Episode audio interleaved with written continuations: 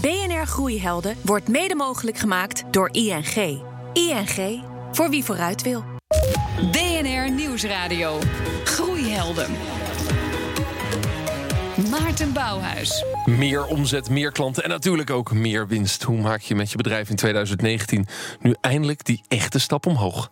Heldhaftige verhalen van echte groeiondernemers. Welkom bij BNR Groeihelden. Met vandaag alles over groeidrijvers. Oftewel, wat drijft de groei? Waarom lukt het veel bedrijven niet om echt groot te worden? In welke mate ligt het eigenlijk aan de oprichter zelf? En welke groeidrijvers kan elke ondernemer vandaag nog mee beginnen? En dit zijn de groeihelden van deze week. Hij maakte internationaal furoren met Cellaband, een van de eerste crowdfund-initiatieven ter wereld. Hij adviseert ondernemers, staat regelmatig op het podium en wil met zijn platform voor juridische documenten de grootste ter wereld worden. Pim Baptiste van Vraag Hugo, hoeveel procent gaan jullie dit jaar groeien? Minimaal keer twee. Dat zijn de groeiondernemers die ik graag zie. Strategie, cultuur, cashflow, winstgroei en het juiste team met zijn gespreksonderwerpen... waar mijn tweede gast met alle liefde s'nachts voor zijn bed uitkomt. Hij hielp de afgelopen jaren al zeker 200 ondernemers met goede Rutger Prent van Go Fast Forward. Groeit het platform? Zeker weten. Veel? Ja. ja, Hoeveel, hè? Nou ja, wat je wil. Ja, maar eh, de, eh, komend jaar. eh, komend jaar wordt het eh, 67 eh, procent. Hij weet het precies. Ja. Eh, dames en heren, fijn dat jullie er zijn. Eh, Vraag Hugo, platform voor juridische documenten. Hoe werkt dat?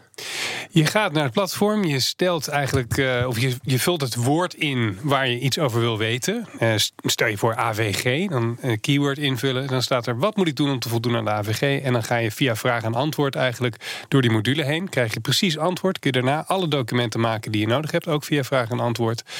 En dan ben je, voldoe je aan AVG. En Dat is een van de dingen. com- compleet geautomatiseerd? Dus robotisering en artificial intelligence erachter? Nee, eh, geen artificial intelligence. Dat, is- dat, dat Gewoon een algoritme. Het, is- het is gewoon een algoritme.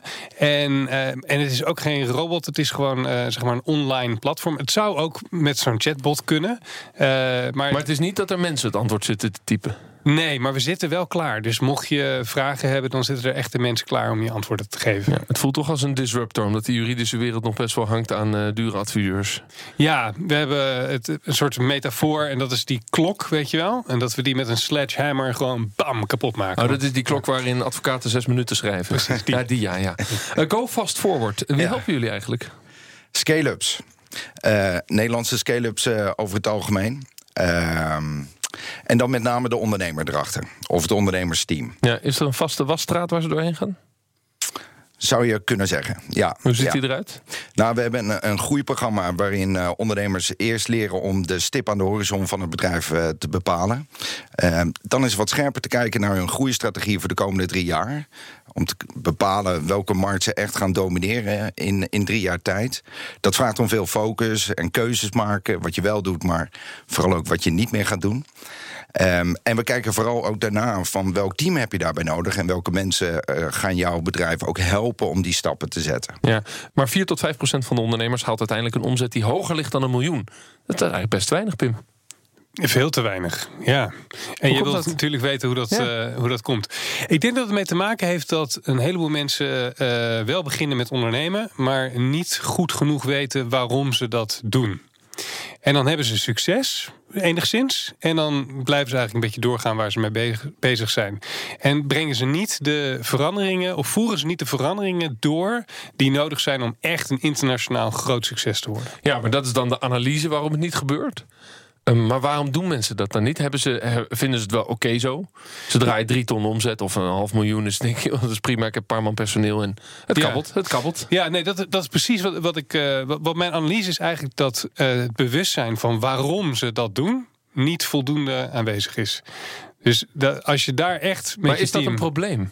Ja, tuurlijk is dat een probleem. Oh, hoezo? Ah, Ja, je wil natuurlijk, tenminste vanuit mijn perspectief, je kunt prima eh, meekabbelen en met de rest van, eh, van Nederland gewoon een beetje onder die miljoen blijven hangen. Maar als je succesvol, groot succes wil boeken, eh, dan, dan zul je over die vraag toch wat dieper moeten nadenken. Maar moet die ondernemer dan een, een, een duidelijkere visie hebben? Wat ik, wat ik zo'n soort van een studiewoord vind van toen ik het he- de HAO deed. Ja, ik denk dat een, een mooi voorbeeld wat ik had met Vraag Hugo... is dat ik eh, bezig was met financieringsronde... en dat een van die potentiële investeerders tegen mij zei... oké, je hebt nu duizend klanten... en je staat in je prognoses dat je naar een paar honderdduizend gaat... maar dat vind ik eigenlijk niet genoeg. Hoe ga je naar een miljoen? En toen kwam ik er dus achter dat in mijn model, wat ik op dit moment of dat moment nog had, het niet mogelijk was om naar zo'n getal te komen. En toen zijn we gaan kijken, ja, maar dan moeten we het anders aanpakken. En dan hebben we dat niet voor nu, maar dan hebben we dus strategische veranderingen doorgevoerd die daadwerkelijk ook risico met zich meebrengen. Maar, en die dus de kans ook met zich meebrengen dat het misgaat.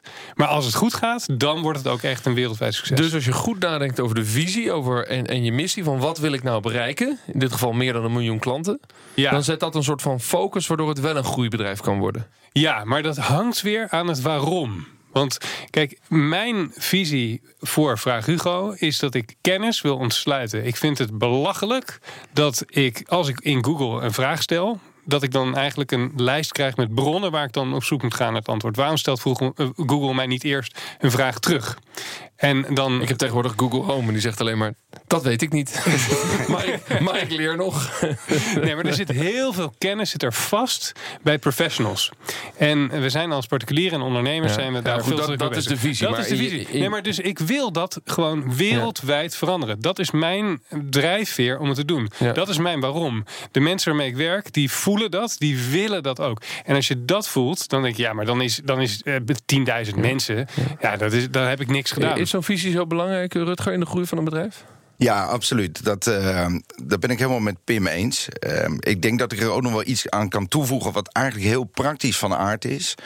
Ehm, maar het is heel verstandig om heel snel een team van ondernemers eh, te creëren. Een team van ondernemers. Ja, want die 1 miljoen die hangt ook vaak samen met een mannetje of 10, 12 die je om je heen verzamelt. En dat is ook stiekem de span of control van één persoon. Dus als jij als ondernemer niet in staat bent om een andere ondernemer of een zwaar persoon naast je neer te zetten, dan houdt het op bij die span of control. Maar En bedoel je dit nou eh, Ja. heel letterlijk? Dat het een soort van VOF met 10 wordt? Of jij bent de ondernemer, maar het zijn personeelsleden, maar die gedragen zich ondernemend? Dat laatste zou zeker ook kunnen, maar dat is lastig, want die mensen zijn meegegroeid met jou naar een man of twaalf. Dus hoe verander je dat dat iemand opeens echt boven zichzelf uit gaat stijgen en echt een ondernemer begint te worden? Ik denk dat vers bloed er absoluut ook een bijdrage in kan. Maar je eh, bedoelt dus kan letterlijk ondernemers. Dus dat je samenwerkt met andere ondernemers. Ehm, nou, je kan het denk ik beter zo zien. Een, een, een bedrijf wat start met twee of meer ondernemers heeft meer kans van slagen om veel sneller door die 1 miljoen euro grens heen te breken. Terwijl je ook de uitdaging hebt met, met compagnons. Dat geeft gedoe. Ja, dus het is heel belangrijk om daar ehm, scherp op te zijn met wie je het doet. Ehm, eh, ja, het gaat iets verder dan een vriendschap. Hè. Met sommige hele goede vrienden zou je nooit willen ondernemen. Ehm, dus ja, het moet aanvullend zijn, maar je moet ook gewoon gedeelde waarde hebben. En als, als je het hebt over het punt van eh, Pimnet, ja, gedeelde visie is dan natuurlijk essentieel. Dat je wel dezelfde stip aan de horizon hebt met dezelfde drijfveren eronder. Ja, tegelijkertijd, je doel willen bereiken kan ook een beperking zijn, omdat je nogal focust op, die, op dat doel. Jij hebt het liever over het grootste obstakel. Hoe werkt ja, dat dan? gek hè? Nou, dat, dat zit als volgt. Vaak kijken we naar een stip aan de horizon of iets dichterbij, 2019, 2021. Wat willen we echt heel erg graag bereiken? En we staren ons dan vaak een beetje blind op ja, de versnellers, zeg maar. Hè? Hoe kom je daar sneller, leuker, beter? Maar daardoor vergeet je af en toe om goed na te denken wat voor jouw bedrijf, of wat voor jouw persoon soms zelfs, de grootste bottleneck is om dat doel te bereiken. Ehm, De biggest constraint. Dus je zwakste schakel in het model. De valkuil is dat je je richt op het allemaal versterken van een heleboel schakels in je ketting, maar dat je één zwakke schakel blijft houden. Daar zit je allergie, daar ben je niet goed in, dat kan je niet zelf, daar heb je anderen voor nodig. Je kan er ook blind voor zijn.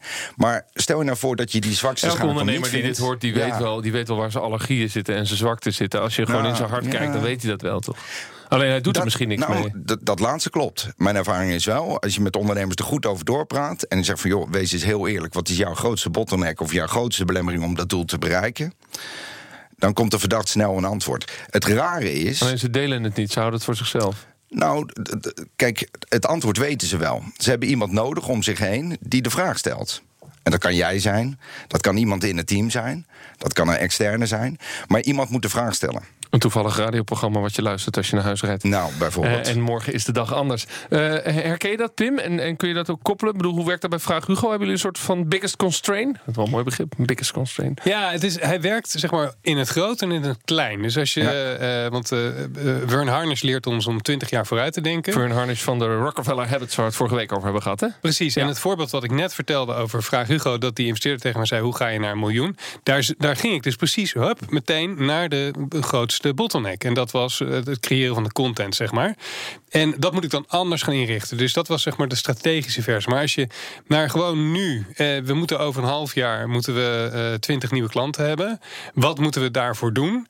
Um, ja, dan ga je dus gewoon heel praktisch kijken van ja, wat doen we nu fout, waardoor dat niet werkt. Ja, dus je gaat niet kijken van wat, wat wil ik allemaal doen om die 20 nieuwe klanten binnen te halen. Ik ga een nieuwe brochure maken, een website live zetten, ik ga een salesman aannemen. Ja. Maar je gaat je alleen maar afvragen, waardoor komt het dat ik nu niet zo makkelijk 20 nieuwe klanten binnenhaal? Ja, precies. En als je een wat traditionelere sales, uh, dat het voorbeeld is, werkt denk ik het beste.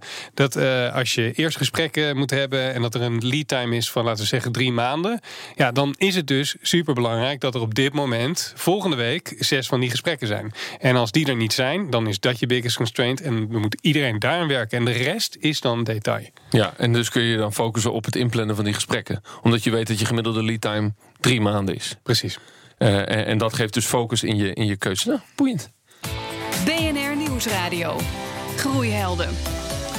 Groeidrijvers, daar gaat het dus over deze, in deze uitzending. Straks daarover meer. Nu eerst de ondernemer die een deel van zijn tijd en middelen inzet voor goede doelen. Mijn naam is Xavier Tilman. Ik ben medeoprichter van Engage Media, uh, opgericht in 2010.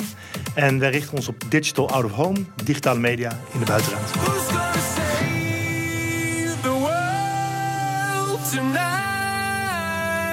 Wij voelen vanuit uh, die media die we hebben, je komt ons overal tegen in Nederland, de verantwoordelijkheid om kwaliteit te bieden met onze schermen. Maar anderzijds voelen we daar ook een stukje de mogelijkheid, of wij zien de mogelijkheid om kansen te bieden voor maatschappelijke organisaties om dat mediakanaal ook te kunnen gebruiken. We hebben recent uh, Bibian Mantel ondersteund met de weg richting Pyeongchang. Uh, waarin we haar uh, financieel hebben ondersteund om het mogelijk te maken om daar haar gouden plak in Pyeongchang te verdedigen. Anderzijds ondersteunen we ook haar stichting, Mentality Foundation. Een stichting die zich helemaal richt op uh, kinderen met een beperking, om die aan het sporten te krijgen. We dragen een warm hart toe aan het Ronald McDonald Kinderfonds, waarin we jaarlijks een mediakavel bijdragen bij de veiling. Een fundraising gala, waarin ons mediakavel over het algemeen vele tienduizenden euro's opbrengt. Uh, we doen vanuit uh, Wordchild, doen wij vanuit onze mediakanalen die we ondersteunen. We leveren, afgelopen jaar hebben we Medical Checks for Children. Dat is een stichting die een bijdrage levert aan het preventief keuren van kinderen in Afrika. Om preventieve zorg daar te kunnen bieden. Vanuit duurzaamheid proberen we een bijdrage te leveren aan Clean, Clean to Antarctica. En uh, hebben we, uh, vanuit cultuur hebben we een bijdrage ook kunnen leveren aan het Holland Festival de afgelopen jaren. Je hoorde Xavier Tilman van Engagement Media. BNR Nieuwsradio.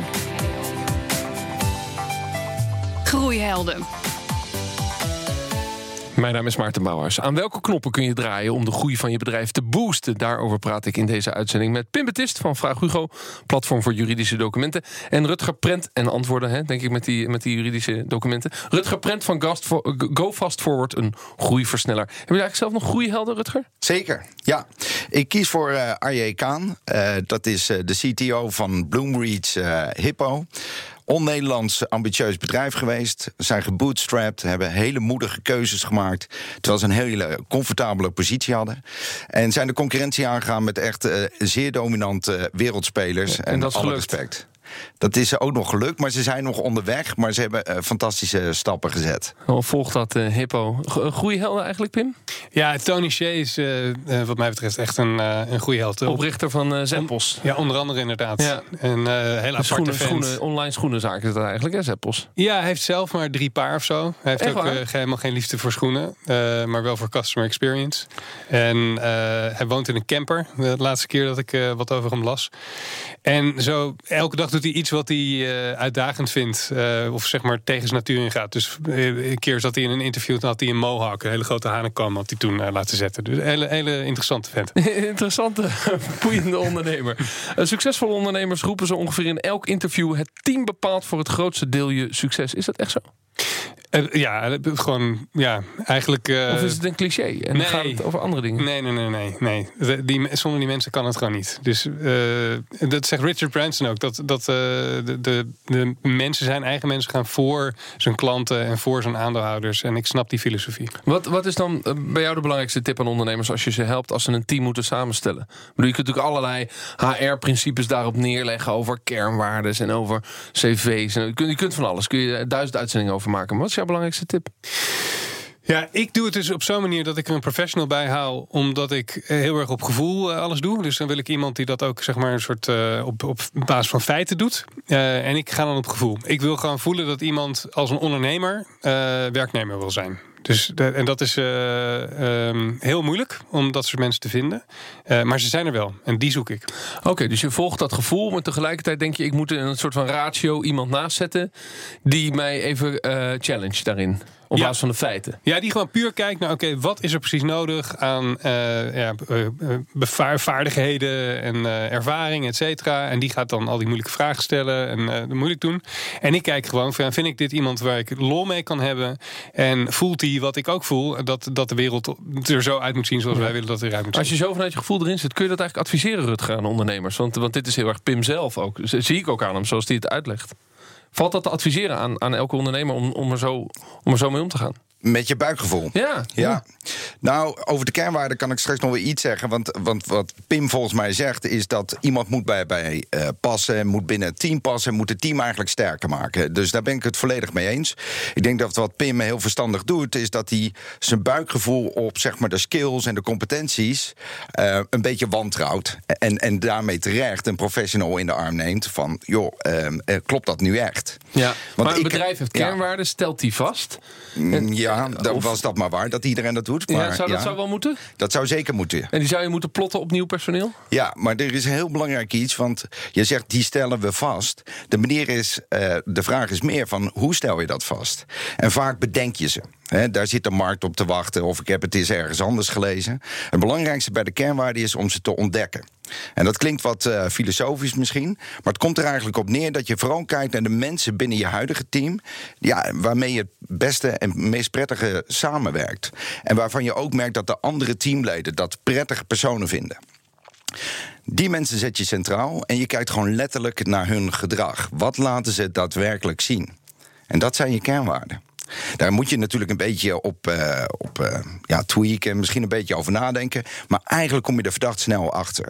Dus je gaat juist vanuit het team proberen die kernwaarden te ontwikkelen Ja. en vast te stellen. Ja. En die ga je dan ook weer gebruiken als je weer nieuwe mensen moet Ja, aannemen. Het, het zou zo simpel kunnen werken, eh, Maarten, dat het voor jou geldt: voor joh, ik geef jou een rode sleutel en een groene sleutel. De groene sleutel is van het nieuwe, fantastische nieuwe kantoorgebouw. Ehm, en je geeft iedereen een groene sleutel die je vol enthousiasme mee wil krijgen naar het nieuwe pand. Neem die mensen nou eens in gedachten, kijk eens naar de overeenkomsten. En dan kom je heel eind in de buurt van En je zorg dat je die kernwaarden. mensen met die rode sleutel kwijtraakt. Dat is nog een ander verhaal.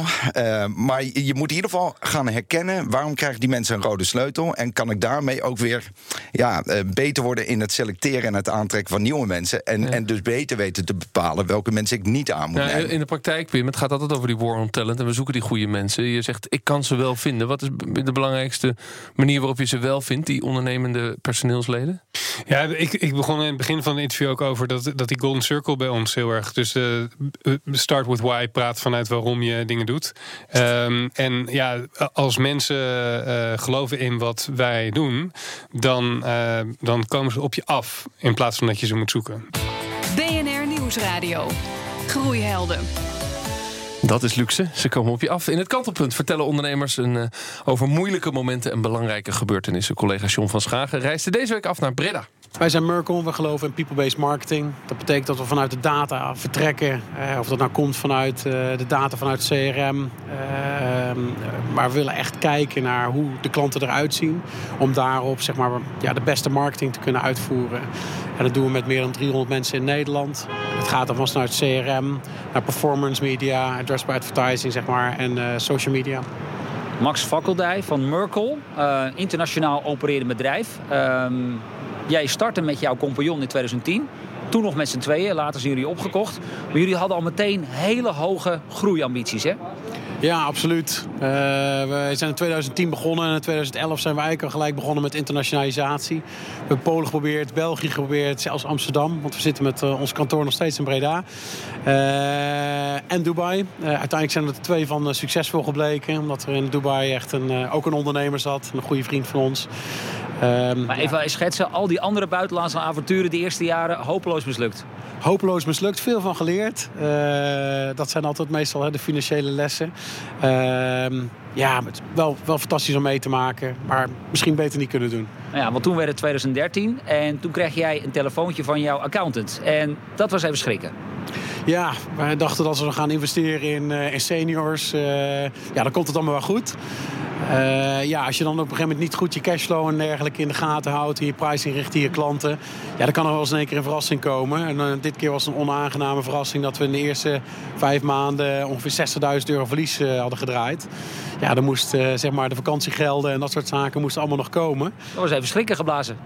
Absoluut. Ja, dan ga je wel met z'n tweeën samen zitten om te denken van ja, waar gaan we door? Uh, waar zijn we mee bezig? Uh, en vooral, ja, als we doorgaan, hoe moeten we dan nu verder? Ja, want hoe moeten we nu verder? Dat is dan inderdaad de vraag die je stelt. En achteraf bekeken is het ook een kantelpunt gebleken voor de groei van jouw onderneming. Wat, wat hebben jullie gedaan om het tijd te keren?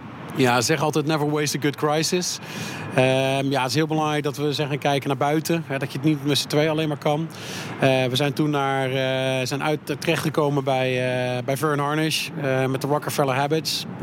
ja, een thema wat wij regelmatig hebben behandeld ook in dit programma. Ja, absoluut. Ja, fantastisch. Ik kan het elke ondernemer aanraden. Want elke ondernemer, welke branche ook zit, die loopt tegen dezelfde zaken aan. En ja, doordat we daarmee aan de slag zijn gegaan, hebben we een fantastisch ritme voor onszelf neergezet. Op het gebied van finance, sales, marketing, operations. Ja, en daarmee konden we zeg maar in het eerste half jaar het verlies goed maken naar een jaar van break-even. En de afgelopen vier jaar ook uh, FT gezellig geweest zijn. Nou, en je hebt ook een uh, externe, nou ja, een, een, senior, een super senior eigenlijk aangetrokken. Die een aantal dagen per week bij jullie in het bedrijf uh, kwam kijken. En jullie ook steeds ja, een beetje scherp hield. Ja, absoluut. Uh, Ray moet er nog steeds voor bedanken. Uh, was toen uh, managing director van Emakina geweest. Had zelf ook zijn bedrijf verkocht aan Emakina. Dus die wist ontzettend veel dingen al die wij nog niet wisten. En het is niet, je moet het niet allemaal zelf proberen uit te vinden. Maar gewoon kijken wie je netwerk dat soort dingen allemaal al een keer heeft meegemaakt. En eigenlijk die versneller kan zijn. zodat je dat soort dingen niet allemaal op de pijnlijke manier hoeft uit te vinden. Het verhaal van eh, Max Faculty van Merkel... die zich uh, na een klap in 2013 wist te herpakken... en dus ook gazelle is. Ik praat verder met Pim Betist van Vraag Hugo... en Rutger Prent van Go Fast Forward. Ja, Rutger, we hadden het net even over de, dat aspect van personeel. Ja. En, en wat je dan zoekt, de ondernemende mensen... en volg je je onderbuik. Tegelijkertijd uh, heeft het ook met planning te maken. Ja. Durf je als ondernemer uh, te voor investeren... terwijl je niet zeker weet of de groei er komt... maar je wel die mensen nodig hebt voor die groei. Een enorm dilemma voor groeibedrijven. Hoe kijk jij daarnaar als, als coach van groeibedrijven? Nou, wat me opvalt is dat ondernemers vaak pas beginnen te werven. Dus uh, te marketen op een vacature op het moment dat je diegene gisteren nodig had. En dat is lastig. En ik begrijp ook prima het dilemma dat je niet zeker weet wanneer de groei komt. En je wil ook niet extra stress daardoor, daardoor hebben. Ja, mijn advies zou zijn: bouw gewoon continu aan het vergroten van je netwerk. Bouw eigenlijk een people pipeline. Dus we vinden het heel normaal om het voor sales te doen, hè, de sales pipeline. Hoe zit het met je people pipeline? Dus bouw eigenlijk een virtuele reservebank van toptalent in jouw markt. Of ze nou uiteindelijk echt bij jou komen werken, dat is maar, maar zorg vraag. dat je ze al kent en dat ze in je netwerk zitten. Ja, precies. Want toptalent kent ander toptalent. Uh, dus verspreid gewoon je merk ook onder die mensen. En doe dat continu. Besteed daar gewoon iedere maand twee, drie lunches aan. Ja, dan moet je dus die tijd investeren en daar de tijd voor nemen. Dan kom je dus ook uh, bij ritme en discipline. Pim, wil ik nog even over hebben. Uh, want we begonnen de uitzending met wat we noemden focus. Als je dus door die miljoen heen wil, wat maar een klein percentage ondernemers haalt. Hoe belangrijk zijn ritme en discipline in de manier waarop je je bedrijf en je kantoor hebt georganiseerd voor de groei van een bedrijf? Dat is cruciaal.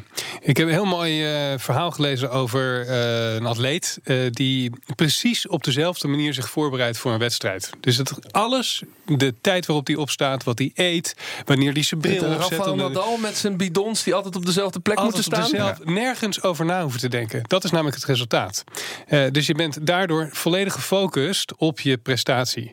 Um, en dus het bouwen van ritme zorgt dat je niet over al die uh, routines elke dag weer keuzes hoeft te maken. Precies. Ja. ja. En het is ook heel erg leuk. Want op het moment dat je in zo'n groove komt, dan, uh, ja, dan, dan, gaan men, dan raken mensen daar op elkaar ingespeeld en dan gaan dingen automatisch.